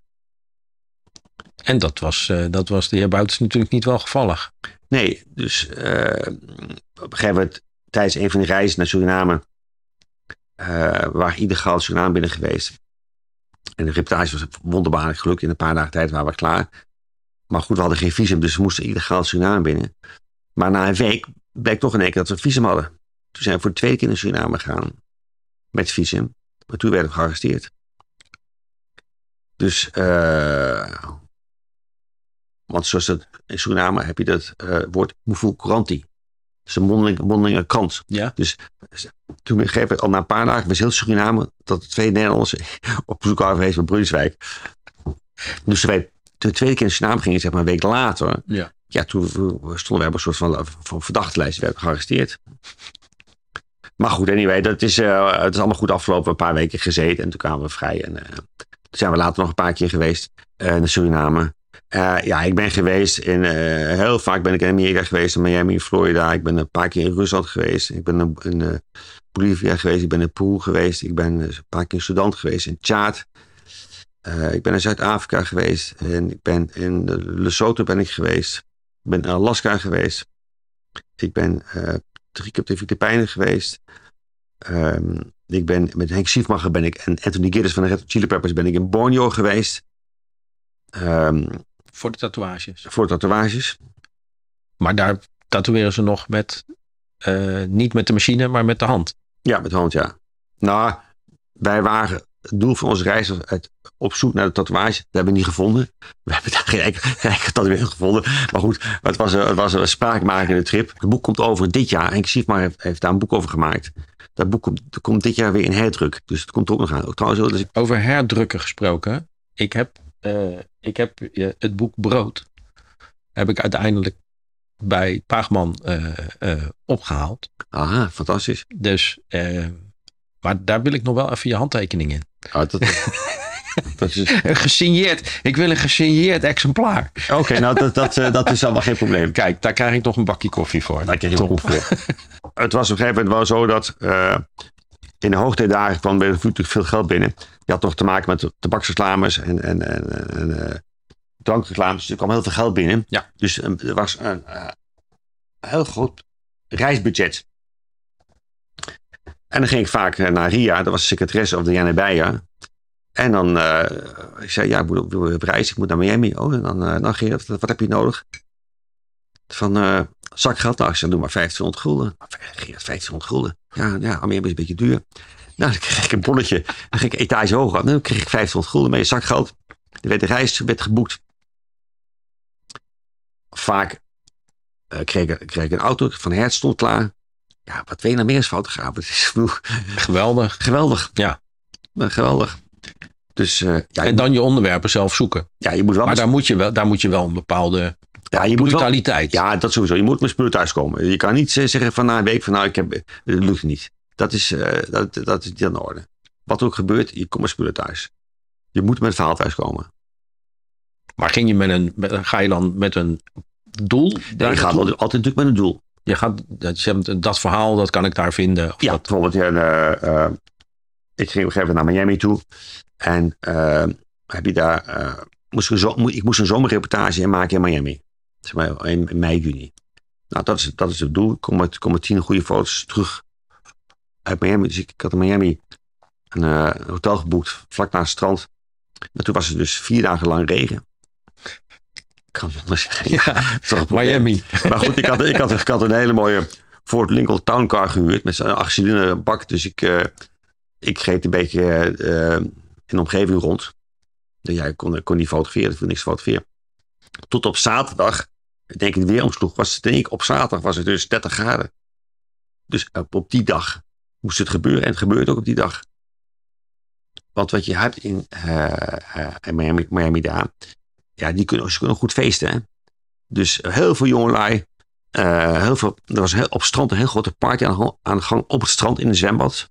Dus ja, dat was natuurlijk geweldig. Dus ik heb toen zeg maar één dag tijd heb ik die reportage gemaakt. Maar goed, uh, zo gaat het vaak. en toen, uh, maar goed, het alles met, met uh, ook met kleur. Niet met, met kleinbeeld, maar met Mamiya 6. Die, die, staat, die camera staat daar nog. Naast de rollijst staat de Mamiya 6. Oh, ja. Die klap. Ja, ja. ja. Ja. Dus op een gegeven moment is, dat de klap, is dat de klapversie of is dat met verwisselbare, Mamiya 6 met verwisselbare objectief? Ja, je ja, moet uitschuiven. Kan je uitschuiven. Ja, ja geweldig. Ja, hele fijne camera. Hele fijne camera. Ja, echt geweldig. Kijk, 6 bij 4,5 staand. Nee, nee, 6, 6, 6. 6 deze 6, 6. Okay. Ja. ja. Het is alleen wel zo dat, kijk, die Rolleiflex is 55 mm. Is, is, is, is, iets minder groothoek. Ja. Nee, 50. De, Mamiya is 50. Oh, 50. Het is eigenlijk een beetje net een fractie te veel groothoek. Dus je moet heel goed zorgen dat je niet te veel, dat je precies het minst veel onderwerp fotografeert. Anders heb je te veel van die wijkende lijnen. Ja. ja. ja. En je kan natuurlijk ook niet met die Mamiya uh, met de losse flitser werken. Want zeker met dia's moet je natuurlijk perfect belichten. Ja. Dus dan zet ik een flitser op mijn camera. Dus ik ging naar Miami met één camera, met één flitser en de lichtmeter. En? Nee, één lens? Ja, één lens. Één lens, één lens, één camera, één flitser. Ja, ja. Fantastisch. Ik weet nog goed, ik kwam, was naar Miami met fotograferen. Op een gegeven moment zat ik, zag op het strand ergens in de verte een hele grote tent. Met allemaal vrachtwagens. Ik, nou, ik ging er even heen. Toen bleek daar, er werd een, er werd een commercial opgenomen voor Heineken. Dus ik liep het strand op. Ik, ik ging eens even kijken. Maar ja, als er ergens uh, uh, vrachtwagens staan met licht. En, en, dan ben ik altijd een beetje uh, nieuwsgierig. Hè? Mm. Dus een hele grote tent. En dus ik ging even kijken. Stond er een, een, een model op een, op een stoeltje. En met zijn voeten op een bankje. Dus ik, toen bleek dus dat, dat de regisseur, dat was een Nederlander, zei, ja, we zijn bezig met een commercial voor Heineken. Ik zeg, maar wat ik zeg, we ik zeg, dus die tof weer, maar zit, je in een tent op het strand? Zeg, wat, zeg, wat is vanavond de bedoeling? Zeg, nou, we hadden verwacht dat het vandaag zeg, weer zou zijn. Dus we hebben een tentje gebouwd. We imiteren het strand. Dus we hadden allemaal lampen op staan van 1000 watt, 2000 watt, 5000 watt. En dan drie vrachtwagens met lichtkanonnen, zeg. Ik zeg, wat, wat, wat, wat gaat dit? Nou, het ging erom, de, uh, die jongen die had een kratje Heineken. En die ging op stoel zitten en gingen zijn voeten op het kratje Heineken. Dat was, dat was, dat was zoet voor van die dag. Gewoon twee seconden film. ik geloof dat we, ja, ik, ik, stond er wel van te kijken. ik heb later ook die commercial teruggezien. Inderdaad, er zit, je zit er zacht een soort flitsje van, van één seconde van het model die zijn voeten op het kratje Heineken zette. Dat was onder van de reclamespot. Maar goed, uh, laten we zeggen, in Miami gebeurt altijd wat. Dus, het was de tijd dat de budgetten nog tot in de hemel gingen. Ja, ja. zeker vlakbij het zand gebeurde veel. Um, ja. Maar goed, luister, het is wel zo, als ik het dan had, de reportage, was ik ook meteen klaar. Ik bedoel, uh, dan ging ik ook meteen naar huis toe. Niet, niet zo dat ik, als, het, als de reportage lukte, nou bleef hangen. Nee, als, het, als ik het heb, dan meteen terug naar huis. Het ging om de reportage. Genoeg, genoeg andere dingen. Ja, misschien nog één dagje relaxen dan meteen, dan meteen terug naar huis. En op een gegeven moment, ja, als je vijf keer in Miami bent geweest, dan denk je op een gegeven moment van, nou ja, goed, nu weten we het wel. We weten wat je, fijn, wat je, wat je allerfijnste camera is. Dat is de Rolleiflex met de 55. Correct, ja. En um, dat is ook wat er nu nog in je tas zit. Want je, je, je, je riep net, ik heb ook alle digitale, alle digitale spullen. Ja, dan moet ik even mijn tas openmaken. Dan kun je zien wat erin zit. nou, vertel wat erin zit. Nou, ik heb één, één tas zit in de Nikon. Kijk, ik, ik val altijd... Kan ik opstaan? Ja, sta maar even op. Nee, ik, pak, ik, ja. ik, ik uh, heel veel mensen, dan hebben ze een uh, camera. Die precies de, de, de, de, de, die, weet, die weet precies wat erin zit. Ik, dat weet ik vaak niet. Dus uh, dit is Nikon wat is dat? Dat is, dat is, nog, een, dat is nog een reflex, een D8? Nee, dit is een, dit is een D810. 810, oké. Okay. Een prachtige camera. Ja. Tegenwoordig werk, tegenwoordig werk ik ook op de Canon. Ik heb ook een Canon camera.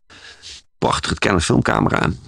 Canon C300. Oh, om te filmen? Ja, doe ik ook. Jij filmt ook? Ja, ik film ook. Oké. Okay. Ja, ja, ik film ook. Uh, ik zal je laten zien. Ik ben ook een vervoerd filmer. Sterker nog, ik heb een stichting. Uh, dat heet Stichting Alaska Films. Dit, dit, is, mijn, dit, is mijn hele, dit is mijn hele filmarchief, hè? Ja. Dat zal ik even laten zien. Uh, ja, ik heb, ik heb één bioscoopfilm gemaakt. Dat is deze. Dat is een documentaire over, over Jules Deelde, Jazz My Religion. Die is door mij gefinancierd en geproduceerd. En ook ge, ge, gefilmd? Of? Ja, zeker. Gedeeltelijk gefilmd. En gedeeltelijk Ja, gedeeltelijk okay. gefilmd, ja. Oké. Ja, want ik heb op, um, gefilmd met, uh, met drie, vier, vijf verschillende camera's. Onder andere met de Bolex die daar staan, 16 mm. Ja. Met een Beaulieu.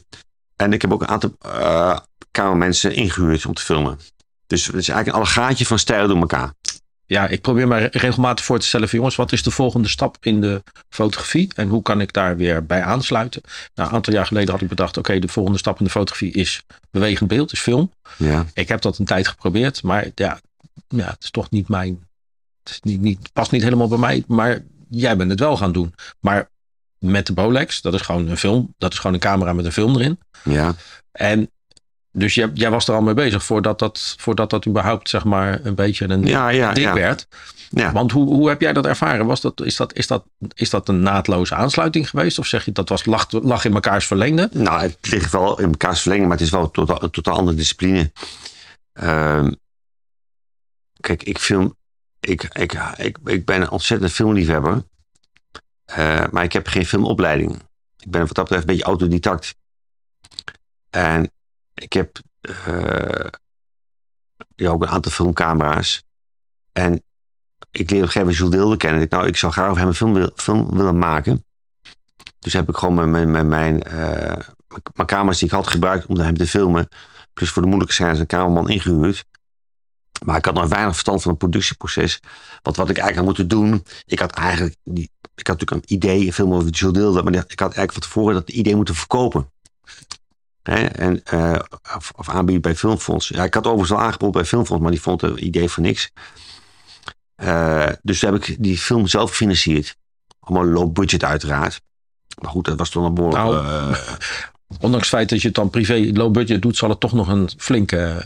Ja, dat is... Daar gaat een hoop tijd en geld En uiteindelijk heeft wel vriend van mij, Frank Vugs, die had een, een, een bedrijf in Hilversum... Limited Label. Die vuurde dus uh, camera's en die deed montage, had montagefaciliteiten. Die heeft mij gesponsord. Dus dankzij hem heb ik die film kunnen monteren. En, uh, maar goed, ik dacht, ik dacht, ik was een beetje naïef natuurlijk. Ik dacht van nou, ik heb een film die, die kan ik bij een omroep aanbieden. Gaan ze me uitzenden. Maar dat is onmogelijk. Zeggen ze, wat, wat komt u doen? Ja. Zelfs toen Gilles Deelde overleed, heb ik al, alle omroepen benaderd. Nou, ik heb een film die is, die is destijds in het NRC en het Volkskrant met vier sterretjes beoordeeld. Maar die krijg ik, die krijg gewoon niet uitgezonden. Dus, dus ik heel... moet heel eerlijk zeggen, ik ben een enorme fan van Deelder. En ik, ik, ik ken hem niet, de film. Nee, ja, hij, hij is nog gedraaid op de Filmfestival in Rotterdam twee jaar geleden. Ja. Ik, ik, ga hem opzoeken, ik wil hem graag zien. Ja. En, uh, maar goed, uh, dat was al lang geleden hoor. Dus nu ben ik, uh, ik heb nu een stichting, Stichting Alaska Films, daar ben ik voorzitter van. En uh, zeg maar, ik ben, ja, ik, ik ben nu met, met drie verschillende scenario's bezig. En ehm, ja, als, ik, als ik klaar ben met de, met de van mijn studio, dus over twee weken, ga ik me de rest van het jaar volledig richten om te kijken of ik mijn tweede film kan realiseren.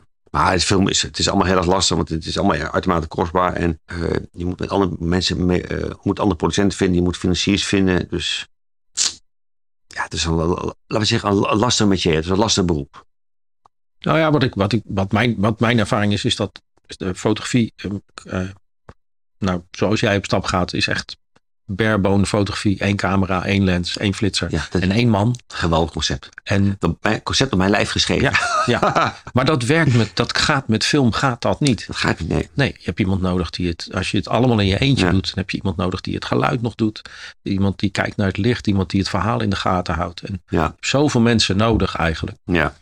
En dan, dan, is, het, dan is het echt, uh, zoals je, foto, zoals je fotografeert, dat is bijna onmogelijk om zo te filmen. Ja, nee, dus op werken low budget, dan moet je ook, uh, nou goed, je hebt een heel team van mensen te maken.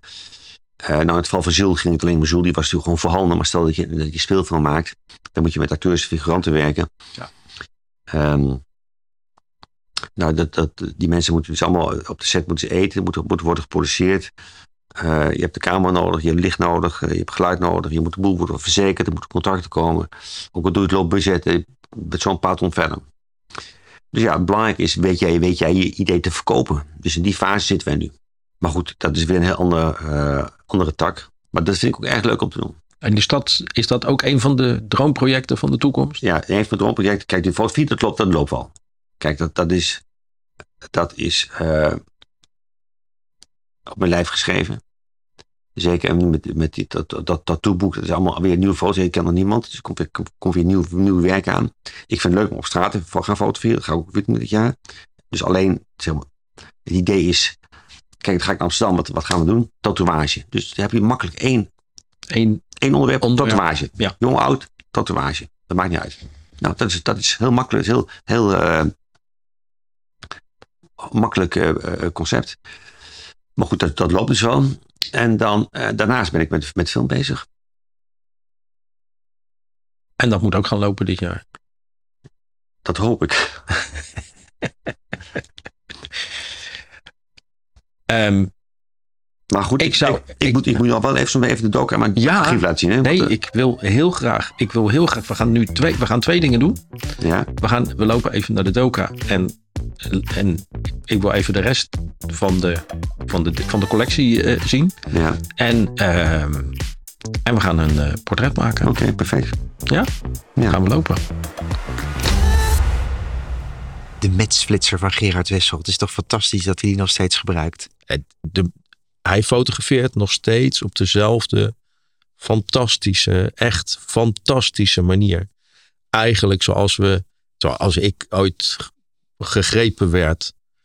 Ik heb met een Mamiya C330 heb ik nog, uh, heb ik nog portretten gemaakt. Het was geweldig. Die zo'n twee ogen flex. En dan, en dan gewoon uit de hand met een matchflitser en briljant. Ja. Het is echt. Het blijft mooi. Het, het is Terwijl er zullen wel minder opdrachtgevers voor zijn die dat soort dingen willen. Ja. Zeker in zwart-wit. Want ja, waar zien nou nog een zwart-wit foto tegenwoordig? Bij ja, World Press Foto. Hij heeft, zijn, hij heeft zijn opdrachtgevers nog daarvoor. Ja, fantastisch. En uh, hij, hij fotografeert uit. Hij heeft ook veel gefotografeerd in kleur. En fotografeert ook nog steeds in kleur. Maar echt uh, briljant. En uh, absoluut een, een icoon in de Nederlandse fotografie. En een geboren verteller, zoals wel meer fotografen eigenlijk, als ze over hun vak praten. Zodra je er een Je zou een podcast kunnen beginnen. Ja, nou, je zou het bijna zeggen. De grote fotografie podcast Fototop 3 wordt mede mogelijk gemaakt door het Beelddepartement. uw presentator Martijn Beekman. Ik heb uh, drie foto's gekozen. Ja. Uh, en het is, uh, ja, het heeft weer met Oekraïne te maken. Wat mij opvalt is dat um, de, de, fotografen die in Nederland zijn, natuurlijk heel veel uh, Oekraïnse vluchtelingen nu fotograferen. Oké. En daarin spelen de kinderen altijd een hele belangrijke rol. Ja. Want dat is natuurlijk de onschuld. Terwijl de ouders van die kinderen zijn natuurlijk net zo vreselijk onschuldig. Ja, dat moet je nou altijd weer zeggen. Het heeft hele mooie foto's opgeleverd. De eerste Ja. die ik nomineer is een foto van uh, Ramon van Vlijmen. Oké. Jong talent. Ik denk dat hij uh, 23 jaar is of zo. Hij is één, twee jaar geleden begonnen met fotograferen. Wauw. En hij doet nu heel veel opdrachten voor het ANP. Uh, Eén, twee jaar geleden begonnen met fotograferen. Ja, zijn vader is een hele beroemde fotograaf. Dat Oké. is, sorry Ramon als je luistert, het moet altijd heel even over je vader gaan. Dat is Barton van Vlijmen. Oké. Een beroemde portretfotograaf, Tour de France fotograaf, magazinefotograaf. En uh, ja, wat is er nou mooi dan in de voetsporen van je vader treden? Ik vind het fantastisch. Maar hij doet het helemaal, uh, hij doet het vrijwel helemaal uh, op zijn eigen wijze. En hij heeft in het ANP een hele mooie opdrachtgever gevonden, zodat hij veel kan fotograferen. En hij wordt met de maand beter. Ja. Ramon, bij deze. Ik heb gekozen voor de Oekraïense vluchtelingen na aankomst met de trein vanuit Berlijn op Amsterdam CS. Waar de eerste opvang en registratie van vluchtelingen plaatsvindt. En het is een uh, avondfoto in het donker gemaakt op het perron. Ik laat u nu zien. Oh. En we zien een groep uh, vrouwen en kinderen uit uh, Oekraïne. Links een meisje met een hele grote teddybeer in haar arm en een roze rugzak. Een ander kind heeft een teddybeer ook in, in, in een zakje zitten. Maar mijn blik wordt vooral getroffen door de twee dames in het midden, mondkapje half op of op de kin, die echt die nieuwe omgeving in zich opnemen. Nou, het is een avondfoto. Die sfeer... Enigszins argwanend en onderzoekend. Ja. Ja. En dit is bijna de perfecte foto. We zien rechts in beeld een dame die een bordje ophoudt. Een blauw-geel bordje met uh, uh, ja, een, een Oekraïense tekst uh, daarop. En helaas, helaas komt er net een man in beeld lopen die het gezicht van die vrouw die dat bordje vasthoudt ja. bedekt. Want ik, ik, ik meen half te kunnen zien dat die vrouw een beetje omhoog kijkt. Die vrouw die dat bordje vasthoudt, die kijkt die vluchtelingen even niet aan. Die is even aan het wegdromen. Nou, dit is echt een geweldige foto. Maar welke foto is nou perfect? Ja, dat... dat, dat... Ja, ik vind hem toch... Ik, ik zou me misschien nog wel voor kunnen stellen dat hij een aantal foto's achter elkaar heeft genomen. Ja. Waarbij die nu, waarbij die toch de beslissing heeft genomen om die man daarvoor te laten. Dat kan. Dat kan. Want, nou ja, vroeger had je dan, dan kon je de contactafdruk zien. Dan had je alle 36 foto's van het filmpje. Uh, ik kan me ook voorstellen dat je zo gefixeerd bent op die groep die daar aankomt lopen. En het is natuurlijk complete chaos daar. Het blijft een fantastische foto. Ik begin nu te, te, te mierenneuken. ik ben gewoon jaloers op deze foto. Ik ah. wou dat ik hem gemaakt had. Een tweede foto, die komt niet uit Amsterdam, maar die komt uit Tsum. Hoe? Tsum. T-Z-U-M. Wie kent het niet? Ten zuiden van Franeker. En uh, ja. fotografie minnend Nederland weet dan dat de fotograaf wel eens Katrines van der Veen kan zijn. Die is al uh, 40 jaar fotograaf. Heeft tijd in dienst, vaste dienst gezeten bij de Leeuwarden Courant. Die is er één jaartje tussenuit geweest. Toen heeft hij de fotografie vaarwel gezegd. En hoe fijn, hij is weer fotograaf geworden. Ah, okay. Fantastisch. Uh, hij heeft uh, foto's gemaakt in het Tsum waar vluchtelingen worden opgevangen in een dorpshuis. Uh, staat nog verder het volgende bij. Oekraïense vluchtelingen vinden in steeds grotere getalen hun weg in Nederland. Uh, hij heeft een hele serie gemaakt voor het, daar heb je het weer, het ANP. Um, in het dorpshuis uh, zie je een, een, een, bar en daarachter wordt een, een vrouw geknipt bij de kapper. In het dorpshuis zijn ook oranje boksen gemaakt. Dat zijn dan de kamers van de gezinnen. Het zijn geen deuren, maar er zijn uh, zwarte grote gordijnen. Zijn nou, een soort, soort... Ja, privacy nul. Geluid, uh, de geluidsdicht is het niet. Nee.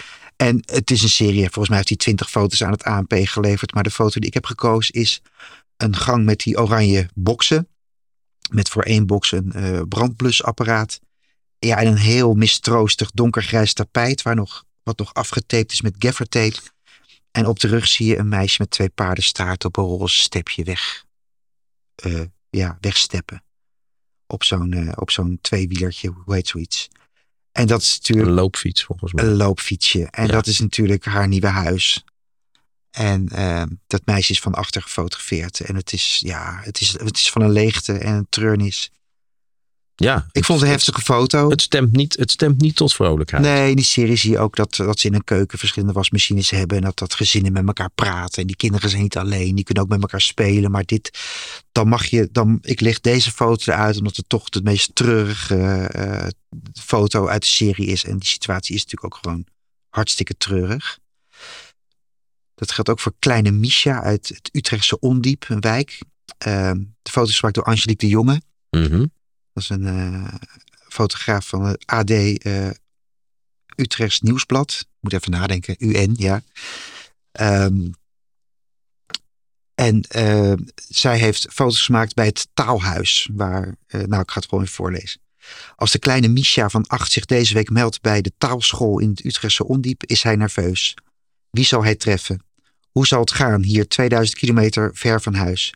Na drie weken bij een Nederlands gastgezin zonder kinderen heeft hij behoefte aan een contact met leeftijdsgenootjes. Je ziet een klas met, eh, nou ja, allemaal eh, kinderen van, eh, die op de vlucht zijn geraakt. En het, is, het is een vrij close foto, niet, niet heel erg groothoek. Eh, je ziet drie kinderen die hun hand opsteken. Echt in zo'n klassituatie. Alle kinderen op de foto kijken naar rechts, waar ongetwijfeld de juf de, zal zijn. de leraar eh, op een of andere manier staat. Ja. En Misha die kijkt voor zich uit. En die heeft een klein briefje voor zich en die staart helemaal weg.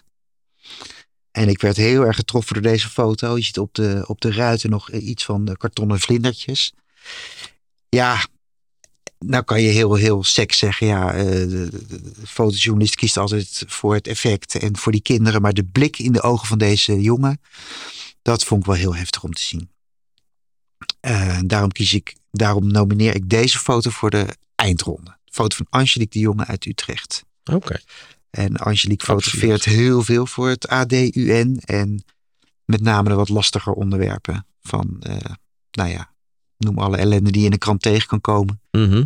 De fotoredactie daar maakt vaak de goede keuze door Angelique daar naartoe te sturen. Oké. Nou, wij zullen hem eh, weer opnemen. Zeker.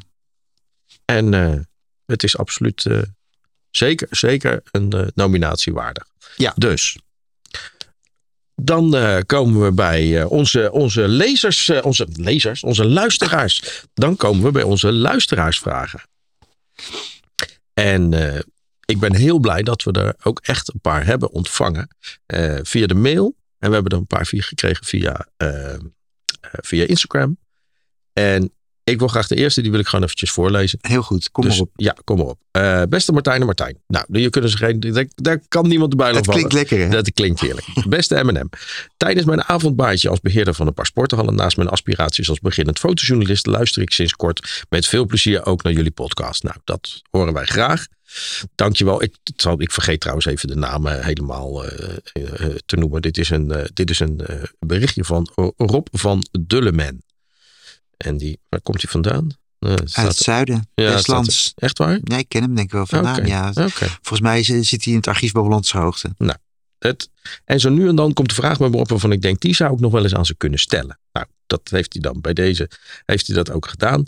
Want eh, de eerste aflevering kwam het er niet van. Totdat Martijn Beekman de rode lap trok, die de stier in me naar boven haalt. De AVG. Ja, Want waarom zou de AVG je verhinderen van iemand een foto te maken op de openbare weg? Behalve dan als dit bedoeld was voor commerciële doeleinden. Voor privé, kunst, journalistiek en journalistiek gebruik is er geen AVG van toepassing. Tenminste, dat dacht hij altijd begrepen te hebben. Heb Of ik er iets over gezegd anders? in een vorige aflevering? Ja, volgens mij ergens in, afle volgens mij in aflevering 1 of 2. Ja, ja, het blijft een heel heikel punt. Ehm, het mag op de openbare weg. Je mag daar gewoon foto's maken van mensen. Ik sprak laatst iemand die bij het ANP werkt en die daar eh, het archief ook eh, beheert. En ze zijn wel redelijk angstig geworden daar voor rechtszaken. Want het enige wat je kan overroelen, stel jij fietst op de openbare weg, je wordt gefotografeerd en je, wordt, je komt op een billboard terecht. En die fotograaf heeft dat niet aan jou gevraagd. Als jij als slachtoffer, tussen aanhalingstekens, hard kan maken dat je privacy daarin geschonden wordt. En dat je daar persoonlijk nadeel van hebt ondervonden. Dan Mhm. win je die zaak meestal. Ja, ik, Dus theorie en praktijk is ja, het mag, maar heel veel archieven zijn terughoudend en willen toch dat je iemand hebt aangesproken, omdat ze gewoon geld kost. Nou, ik, wat ik altijd begrepen heb, is dat het als volgt werkt. Dat als je je bevindt in de openbare ruimte, dan kan je redelijkerwijs verwachten dat je op een of andere manier gezien wordt. Ook door allerlei elektronische camera's, zoals bewakingscamera's en dergelijke. Je kan dus verwachten dat je, dat je op een of andere manier gefotografeerd wordt. Sowieso is het fotograferen van iemand in de openbare ruimte altijd toegestaan. Het publiceren daarentegen niet altijd. Ja. En dat kan alleen op het moment dat jouw nieuws, zeg maar, het belang van de privacy van de persoon die erop staat, overstijgt. Ja. Als iemand deelneemt aan een demonstratie, Ja, dan is het logisch. dan, is het, dan is het buiten kijf. Hoewel. Maar stel dat jij eh, zegt: ik fotografeer een weg. En het is duidelijk dat diegene die daar zich op die weg bevindt, de enige is. En ook het onderwerp in de foto, zonder dat diegene, zeg maar, eh, zonder dat er een nieuwswaardig moment is. Dan is het lastig hard maken dat jij daar, eh, dat jij daar, een, eh, dat jij daar die privacy schending voor mag doen, zeg Ja. maar. Maar ik weet dat Rob veel voor Hollandse Hoogte werkt. Dus die maakt foto's die een archief ingaan, zoals al- veel fotografen doen. Mhm. En dan weet je niet waar zo'n foto uiteindelijk terechtkomt. Ja, dan heb je een, last, dan heb je een lastige zaak. En er is een, er dat is een is- voorbeeld van een eh, fotograaf van de Volkskrant van jaren geleden. Maar dat heeft overigens volgens mij niets te maken met de AVG. Dat heeft alleen maar wat te maken met überhaupt beeldrecht en portretrecht en recht op privacy. Ja, nou ja, ik wilde noemen het foto, voorbeeld van dat een fotograaf een moslima meisje op een feest heeft gefotografeerd. En die foto werd door de eh, FNV later gebruikt via Hollandse Hoogte. En dat meisje die eh, beweerde dat ze daar heel veel nadeel van had ondervonden. En het is een Mhm. rechtszaak geworden. Uiteindelijk heeft die fotograaf het gewonnen. Maar dat was een hele spannende. Ehm, ja, wat ik tegenwoordig doe. Ja, ik, ik, ik, ik fotografeer nog gewoon mensen op de openbare weg. En ik zet ze ook wel eens in het archief. Maar ik, ik heb er toch een beter gevoel bij als ik naderhand gezien ben door diegene. Ik probeer wel. Ik maak, ik maak eerst een foto en daarna probeer ik wel te laten blijken dat er gefotografeerd is. Nou zijn mensen tegenwoordig wel heel snel met van... hé, hey, wat ga je met mijn foto doen? Ja. En waarom fotografeer je hier? En denk ik, jongens, jullie staan met je, met je, met je, met je giegel sta je op Instagram... waarbij je elk kopje koffie en elk, elk bezoekje wat je brengt eh, zelf publiceert. Dus ja, maar Ja, het, het, het, is wel zo. Maar het, het gaat vaak te ver. Ik was een paar weken terug bij een bijeenkomst en er was mijn opdrachtgever van plan om 90 quitclaim formulieren uit te delen. Mhm. En uiteindelijk heeft de dagvoorzitter ge- gezegd: er is een fotograaf, wilt u de foto, laat het hem weten. Punt. Want bij formulieren gaan mensen denken: oh, ik kom op een billboard, ik word commercieel, ge- eh, Ja. mijn foto wordt commercieel Ja. gebruikt.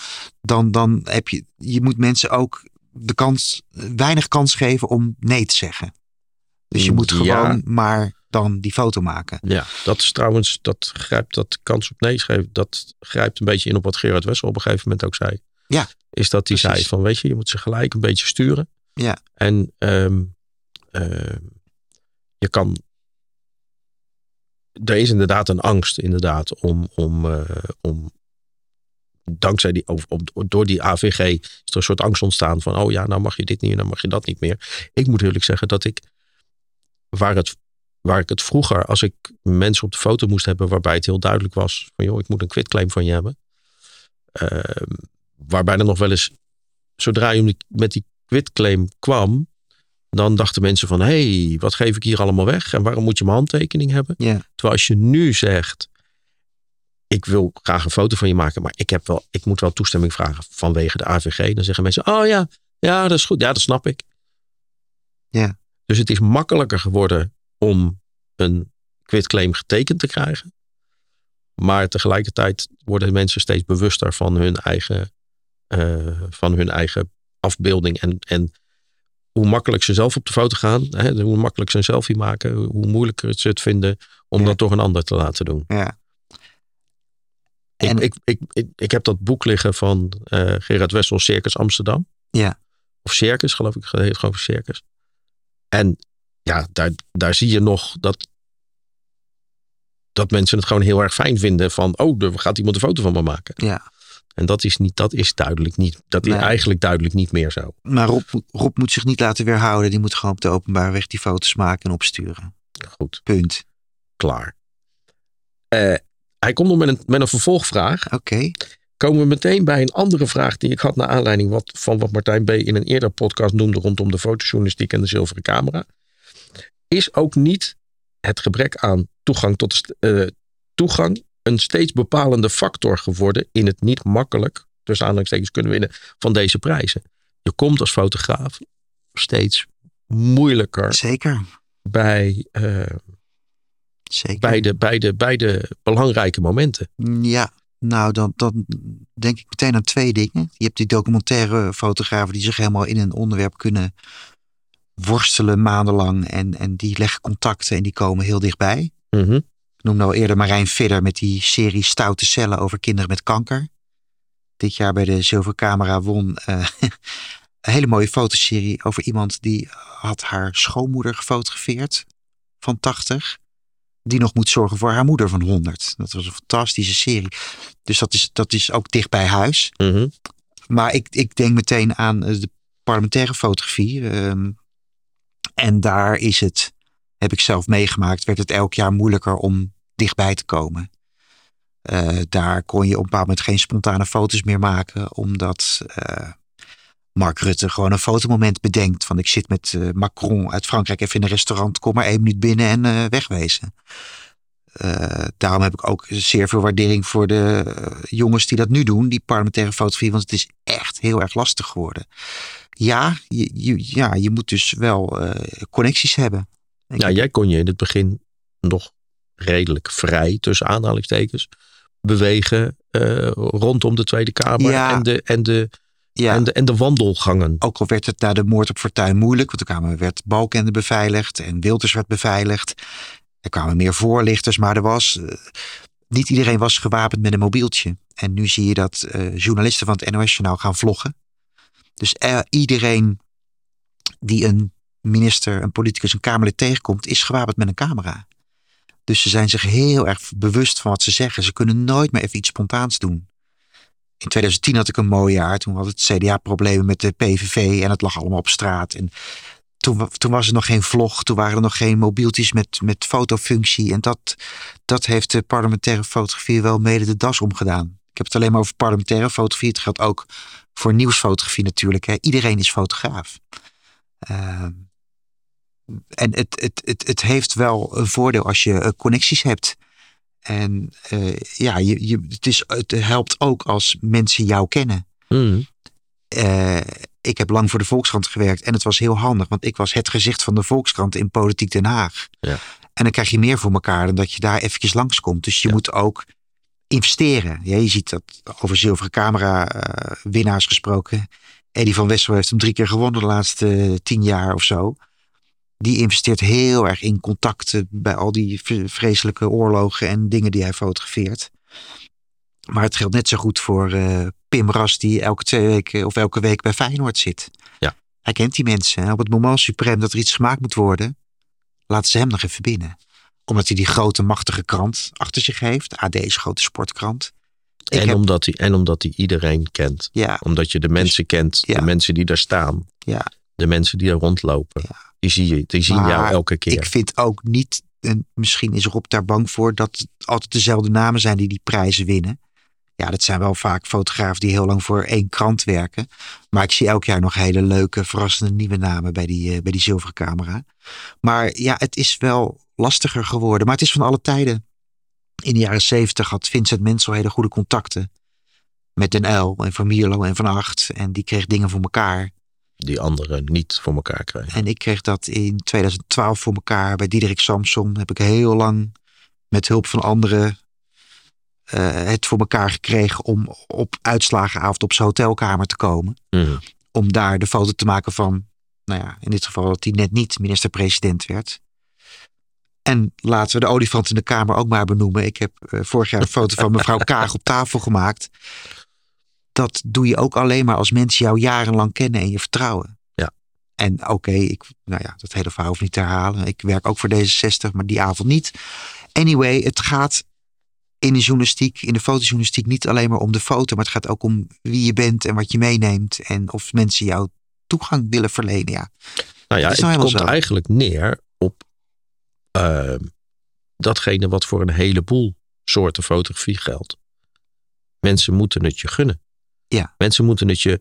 Ik wil niet zeggen dat je zo'n foto, dat ze je die foto geven. Want die foto die je. Nou ja, die foto. die wel, je- ze geven je de gelegenheid. Ja, En ehm, ik zeg altijd: een portret neem je niet, maar een portret krijg je. Ja. En dat is precies waar het, waar het, zeg maar, waar het, waar het om draait. Dit, Ja. je- je- mensen moeten het je gunnen. ja, Dus ook fotograferen uiteindelijk is voor een heel groot deel is mensenwerk. ja. En los van die paar fotografen die vast voor een krant werken of in vaste dienst zijn bij het ANP of als freelancer vast voor het ANP werken. Gaat het, is, is het in de fotografie verschoven van hé, hey, jij maakt een leuke foto en we gunnen het je. Tot nu het hebben van een netwerk. Ik heb al die jaren in, in Den Haag gefotografeerd en ongemerkt heb ik een netwerk opgebouwd van journalisten die nu voorlichter zijn. eh, of, of van mensen die mij kennen uit die tijd en dachten van hé, hey, hij kan een leuke foto maken. Dus dat is, dat is, het is, het is veel meer dan twintig jaar geleden wat je moet brengen om eh, te overleven. Zeker in die, in die nieuwsfotografie. Oké. Succes Rob. Die heb, we hebben Rob wel behandeld, toch? Ja toch? Ja, Ja, oké. Nou, ja, wat is, eh, wat is jij, jij, jij, had nog een, jij, had nog, jij had nog een vraag. ja. En daarna had- heb ik er ook nog eentje. Oh, Oké. Dus we zijn nog wel even bezig. Nee, ik heb er nog een hele, die tweede is het relatief. Nee, is niet een hele korte, maar een iets kortere. Ja. Ik heb een vraag, Rama. Gewoon gratis. Ik heb Photoshop, 13 euro per maand. Als je het optelt is het toch 13 keer 12. Dus als je af en toe wat wil bewerken Heel af en toe wat wil bewerken. en het moet wel goed, Ja. dan kom je bij in de wereld van, van de vele fotobewerkingsapps. En ik kan daar geen antwoord op geven. Dus het is echt Nou, een vraag voor jou. Oh, oké. Nou ja, eh, ehm, wat van oudsher echt een gratis programma is, dat is de GIMP. Even spellen. G-I-M. Driepoot. Marie. P. Gimp. GIMP. De GIMP. En de GIMP is gewoon een heel, een geheel gratis programma. Ehm, werkt goed. Lijkt heel erg op Photoshop.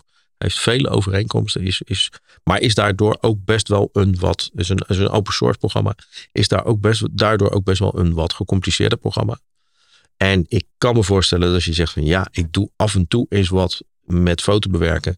Dan is dit nou niet de, het meest vriendelijke programma.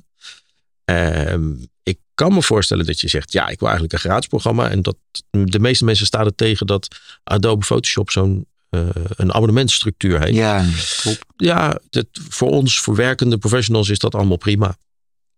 Maar voor, de, ehm, voor iemand die af en toe wat doet of daar niet zijn brood mee verdient, is iedere maand jarenlang Ja. blijven betalen. Ja, dat is, ik. dat is geen optie.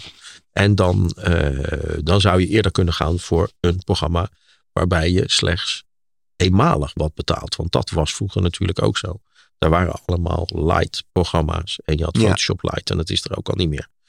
Dus, ehm, maar er zijn wel goede alternatieven. En een van die alternatieven is Luminar. Maar daar moet je voor betalen. Luminar kost uit mijn hoofd gezegd 99 euro. Oeh, dat is veel. Ja, maar luister, dat is maar één keer. En daarna is het van jou. Ja. Dus dat, de GIMP, fantastisch programma. Luminar, een veel moderner programma.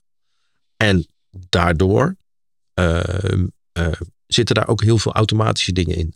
Die juist als je niet zo vaak aan het photoshoppen bent. Want Photoshop is een fantastisch programma, maar eh, je moet wel echt wel weten wat je doet. En dat Ja. is met de GIMP precies hetzelfde. Oké. En Luminar is gewoon een heel erg goed fotobewerkingsprogramma. Waar heel veel automatisering in zit. Wat bedoel je mee?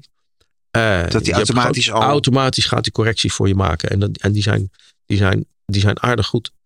De, de luchten weghalen en achtergronden weghalen. En echt dingetjes gewoon de, de, de eh, bewerkingen eroverheen met een bepaalde sfeer, een bepaalde uitstraling. Dat gaat allemaal vrij automatisch. Dat is wel een goede, eh, dat is echt, echt wel een goed alternatief.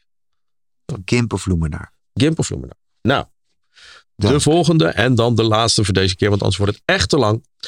Ehm, nee, ik denk dat we hem gewoon af moeten ronden. Ja. Ik denk dat we hem gewoon af Ja. moeten ronden.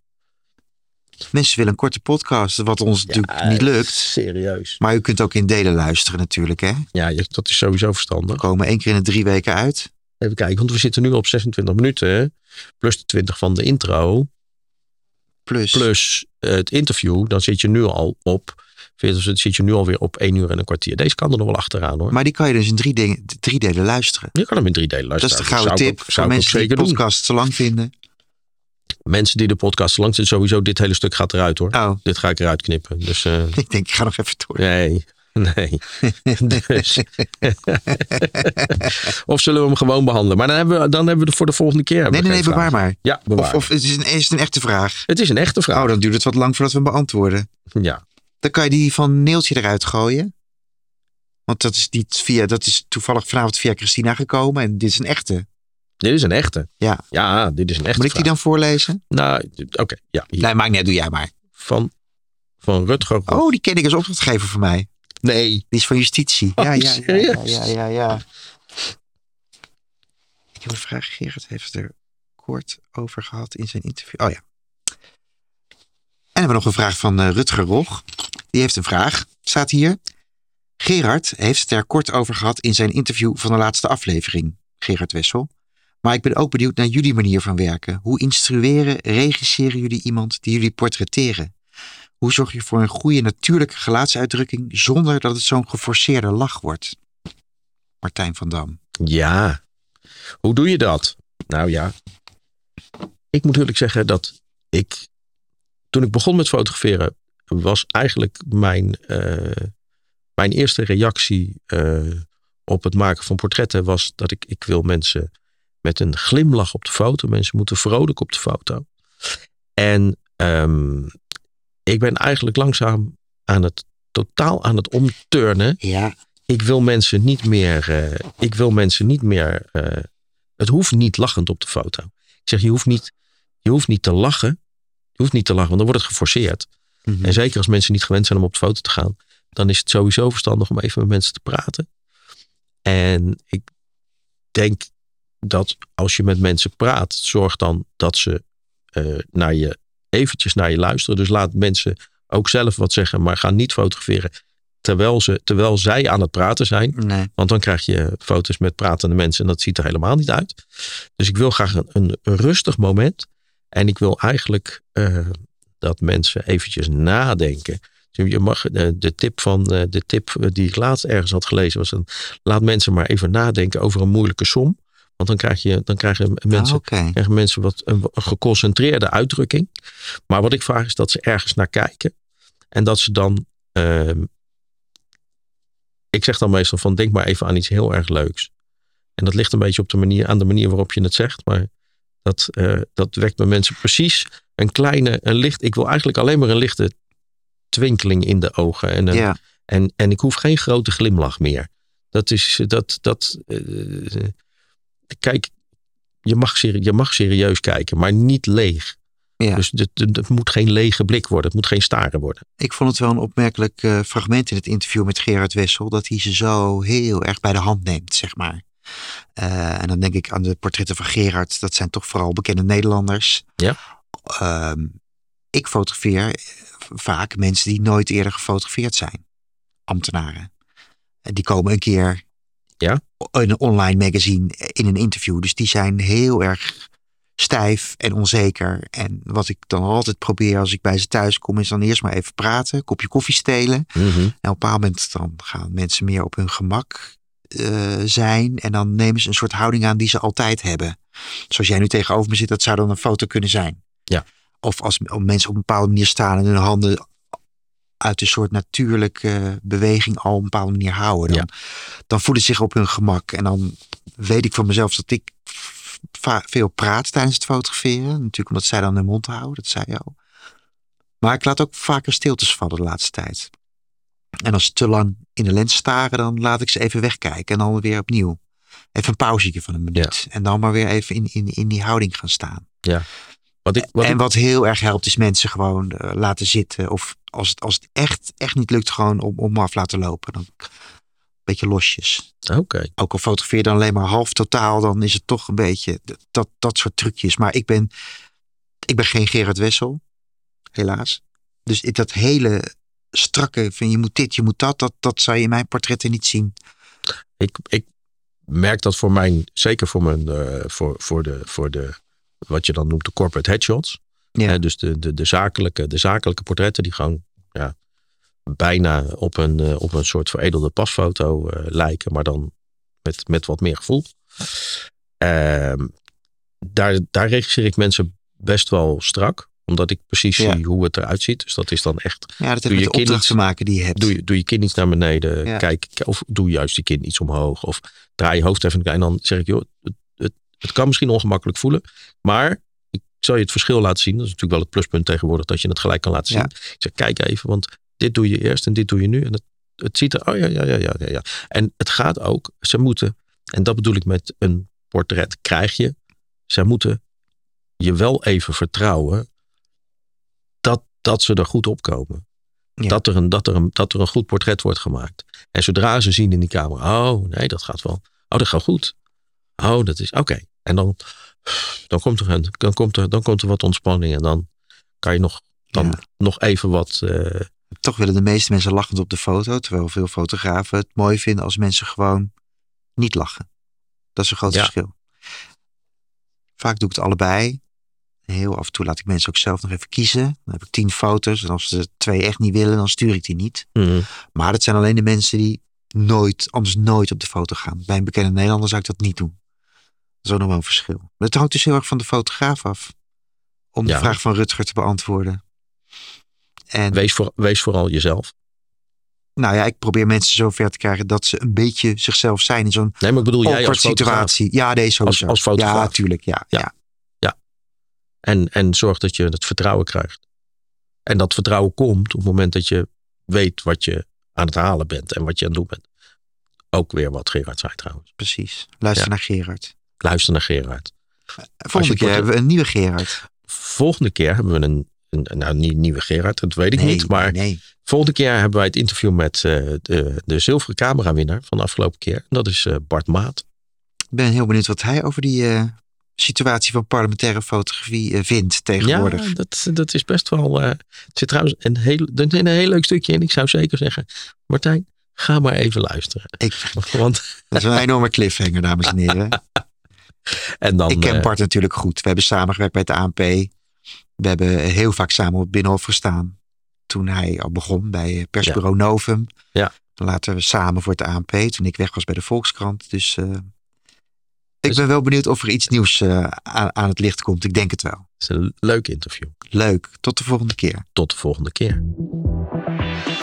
Hartelijk dank voor het luisteren naar deze aflevering van de Grote Fotografie Podcast. Over twee weken staat er weer een nieuwe aflevering klaar. Vergeet niet om je te abonneren als je geen enkele aflevering wilt missen. En als je een review achter zou willen laten in de podcast-app, zou dat helemaal fijn zijn. Als je een vraag wil stellen aan ons, dan kan dat door middel van een bericht op Facebook, een DM op Instagram of een mail naar info@degrotefotografiepodcast.nl. Op www.degrotefotografiepodcast kun je trouwens ook al onze afleveringen terugluisteren. Daar vind je ook alle informatie over de gasten die we hebben geïnterviewd en de portretten die we daarbij hebben gemaakt. Voor nu, dankjewel voor het luisteren en graag tot de volgende keer.